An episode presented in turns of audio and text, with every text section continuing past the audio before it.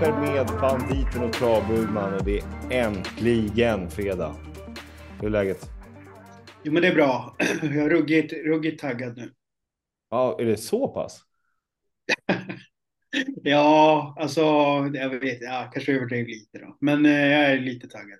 Ja, du är på glatt humör. Ja. Få förunnat. Ja. Är du en glad människa generellt? När det, går, ja, men det beror ju på. Innan en travomgång, då, man ju alltid, då, då, då finns ju alltid möjligheten kvar. Sen efteråt så är det lite annorlunda när man har, när man har åkt i avdelning ett eller två oftast. Så då är ju, då är livet mer glaset är halvtomt igen. Mm. Okej. Okay.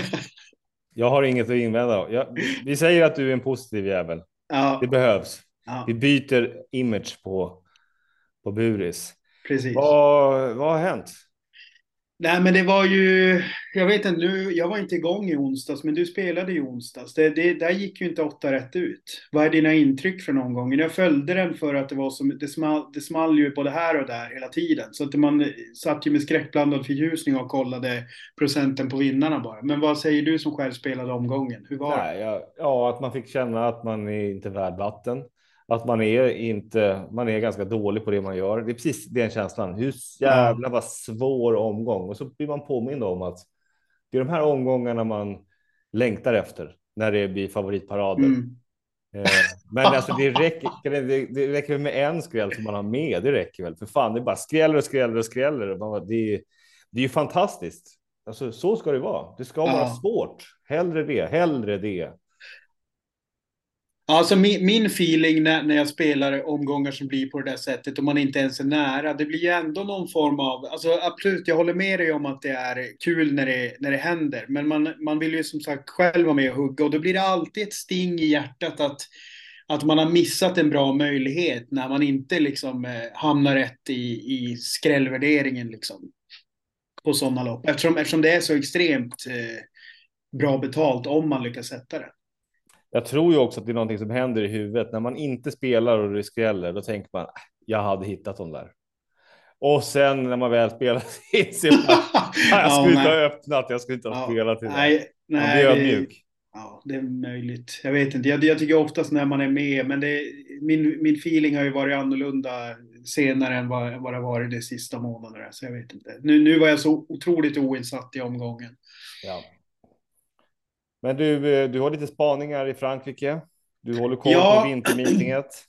Ja, alltså det blev lite. I torsdag så körde ju Jörgen Westholm körde ju en smash and grab. Eh, hade han ju sagt på förhand med Castor Star att han skulle åka ner där på en snabbis och bara liksom roffa åt sig en, eh, en bra slant eh, för ett, ett femåringslopp som gick på Vincennes.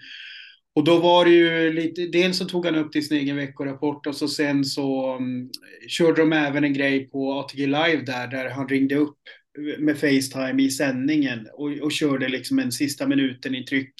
Och där han även gav bra info från banan. Sen är det väl så här, jag vill brasklappa det och säga att jag gillar, gillar verkligen Jörgen Westholm sjukt mycket och tycker han är en, en av de absolut viktigaste tränarna vi har. Men när det kommer till loppet så måste jag säga att både han och Johan Untersteiner som hade Karat River i loppet körde väldigt naivt. Och nu kollar inte jag så mycket på franska travlopp, eh, ska sägas. Men eh, när jag, jag kollade i det loppet och där känns det ju som att de kör ju som man kör i Sverige, det vill säga maxar från start för att komma till spets och så sen så hamnar de ju båda två då ledare och ledare utvändigt som det är i Sverige. Ehm, Westholm och Untersteiner då. Men eh, grejen här är ju att i Frankrike kör man ju inte på det sättet, utan de, de andra hästarna kommer ju som en våg på upploppet och bara forsar förbi. Jag tror att de blir sexa och sjua från de positionerna.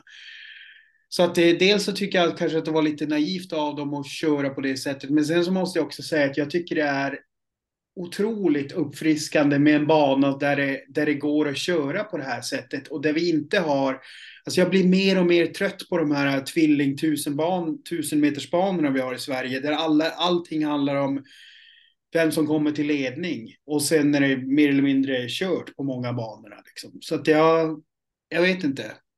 Vad tycker du? Du har, ju, du har ju återigen, du har ju varit på plats. Du ja, vet ju hur det ser ut. Och jag, och jag har gått till Totteluckan och jag har tagit ut mina eurosedlar och jag har spelat och jag har inte vunnit någonting. För det är för fan helt jävla omöjligt. Mm. När man kom, kliver dit med samma tanke om att ja, men, leta ledarhästar och eller ska man bara köra på eh, Basir eller liksom, hur, mm. hur, hur ska man tänka? Jag tror ju att det är utslagsgivande. Alltså det är ganska långa lopp och det är uppförsbackar och nedförsbackar och det är inte så lätt.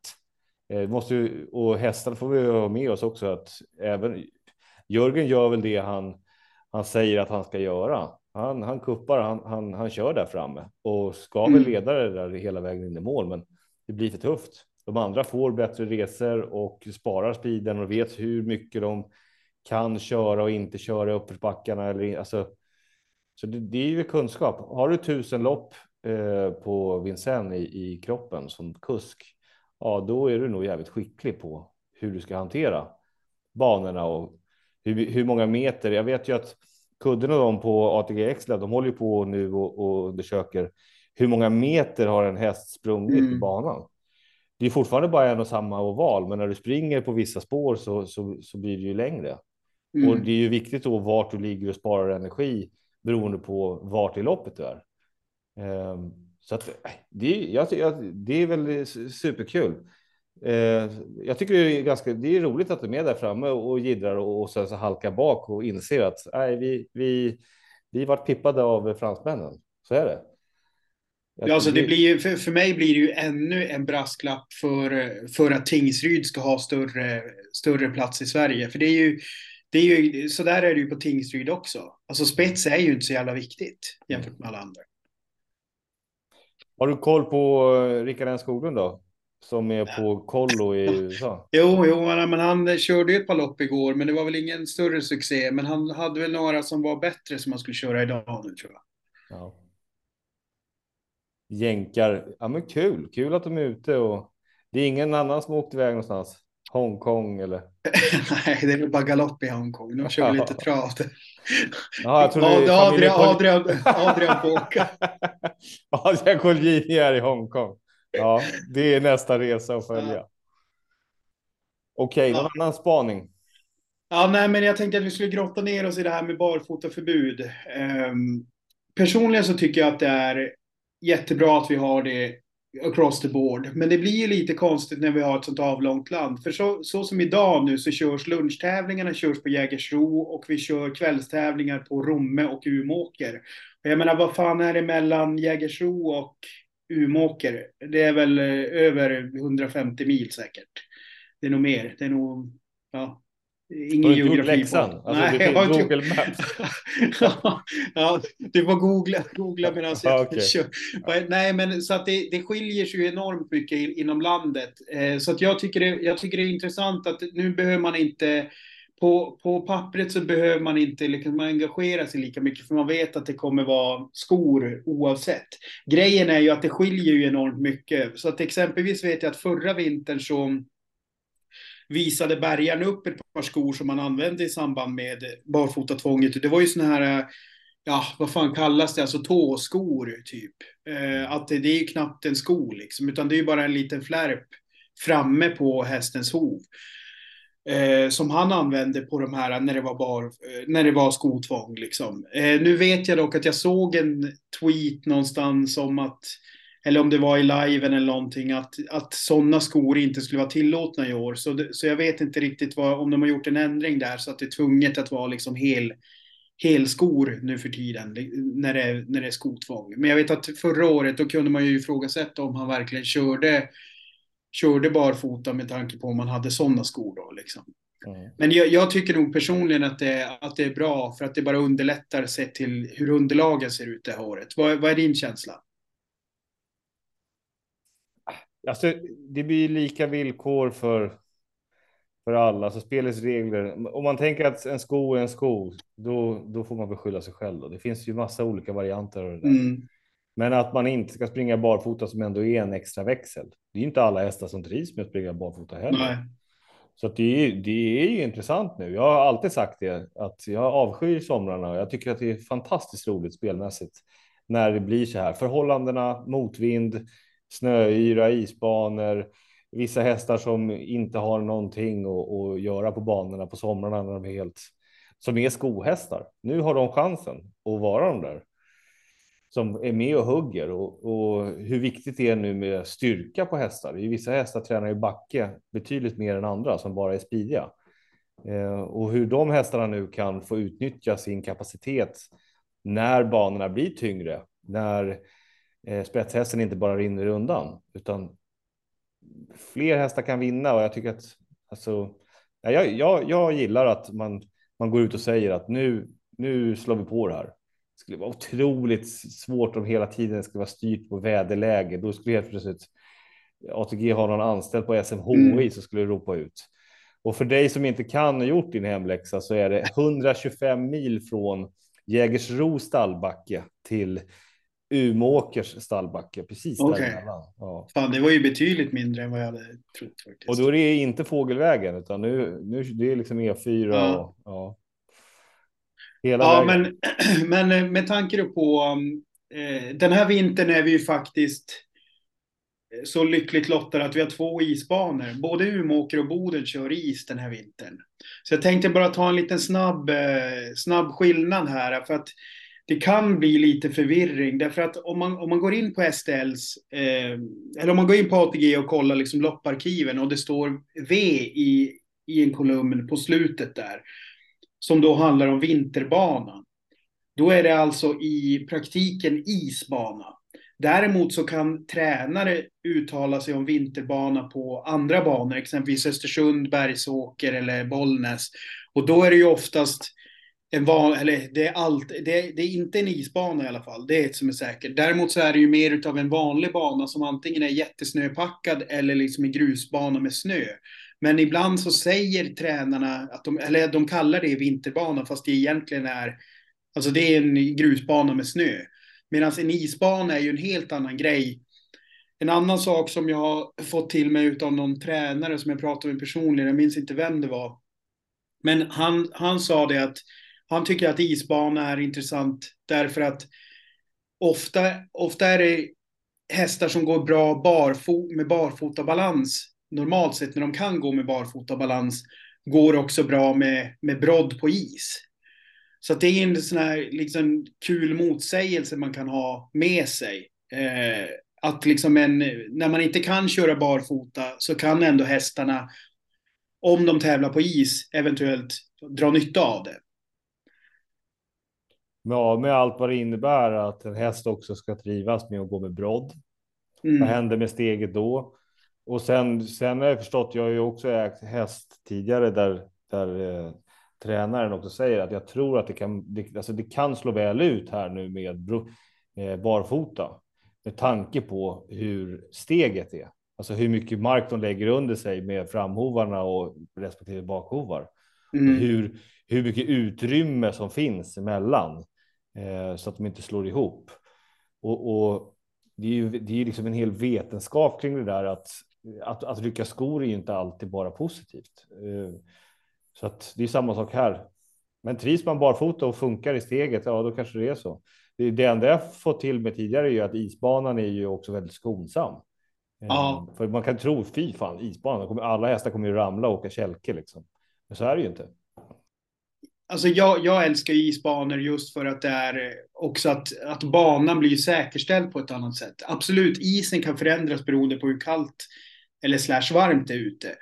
Men överlag så är det ju liksom, de sopar ju, de skottar ju bara en bana liksom. Det är inte, det är inte en massa att det ska korrigeras med material och grejer. Så att jag upplever att banorna blir säkerställda på ett helt annat sätt. Och jag tycker även rent krasst att det borde vara billigare att, att, att köra en, en isbana jämfört med en grusbana på vintern. Så att jag, jag är jätteglad att det körs på is både på Umeåker och Boden. Och därför så tycker jag att alltså rent ur ett marknadsföringssynpunkt eh, så är det lite synd att de inte kör ett isbanechampionat för tränare och kuskar den här vintern. Där, liksom, där man bara räknar isbaneloppen, tycker jag. Det hade varit en jäkligt kul grej. Och jag tror att många, hade, många kuskar som körde där uppe hade nog eh, tänt till lite extra på det. Sen slutligen så körde ju de. Boden hade ju sin premiär igår på lunchen och ikväll då så har eh, Umeåker sin, sin premiär på V64. Och jag kan ju inte hjälpa att tycka, det här är faktiskt inte min grundidé, utan det var någon som födde den, skickade ut den här tweeten för några veckor sedan, jag minns inte vem, så jag kan inte ge cred, men där då personen frågade sig varför, varför inte Nils van der Poel på plats? Och det, det köper jag rakt av. Eh, det hade väl varit en fantastisk PR-grej att flyga upp honom. Han får fakturera vad han eh, tycker är värt det och så sen köra, köra varsitt eget travlopp på banan för att avgöra vilken av dem som är snabbast.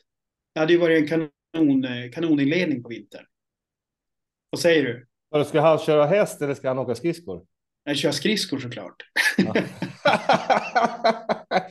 ja, eller, eller kör han skridskor och startar 80 meter efter eller hur snabb är han? Ja, alltså jag vet inte. Det, det, jag satt och funderade på det där också.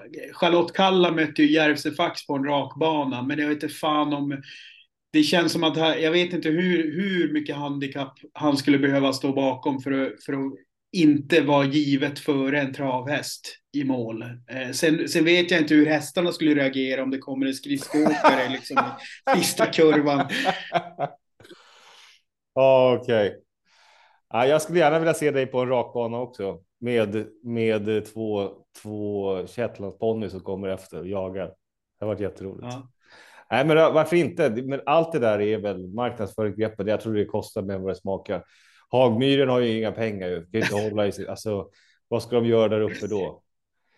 Sen har jag funderat lite på, tänk om det blir varmt nu och så smälter isen. Vad gör de då? då?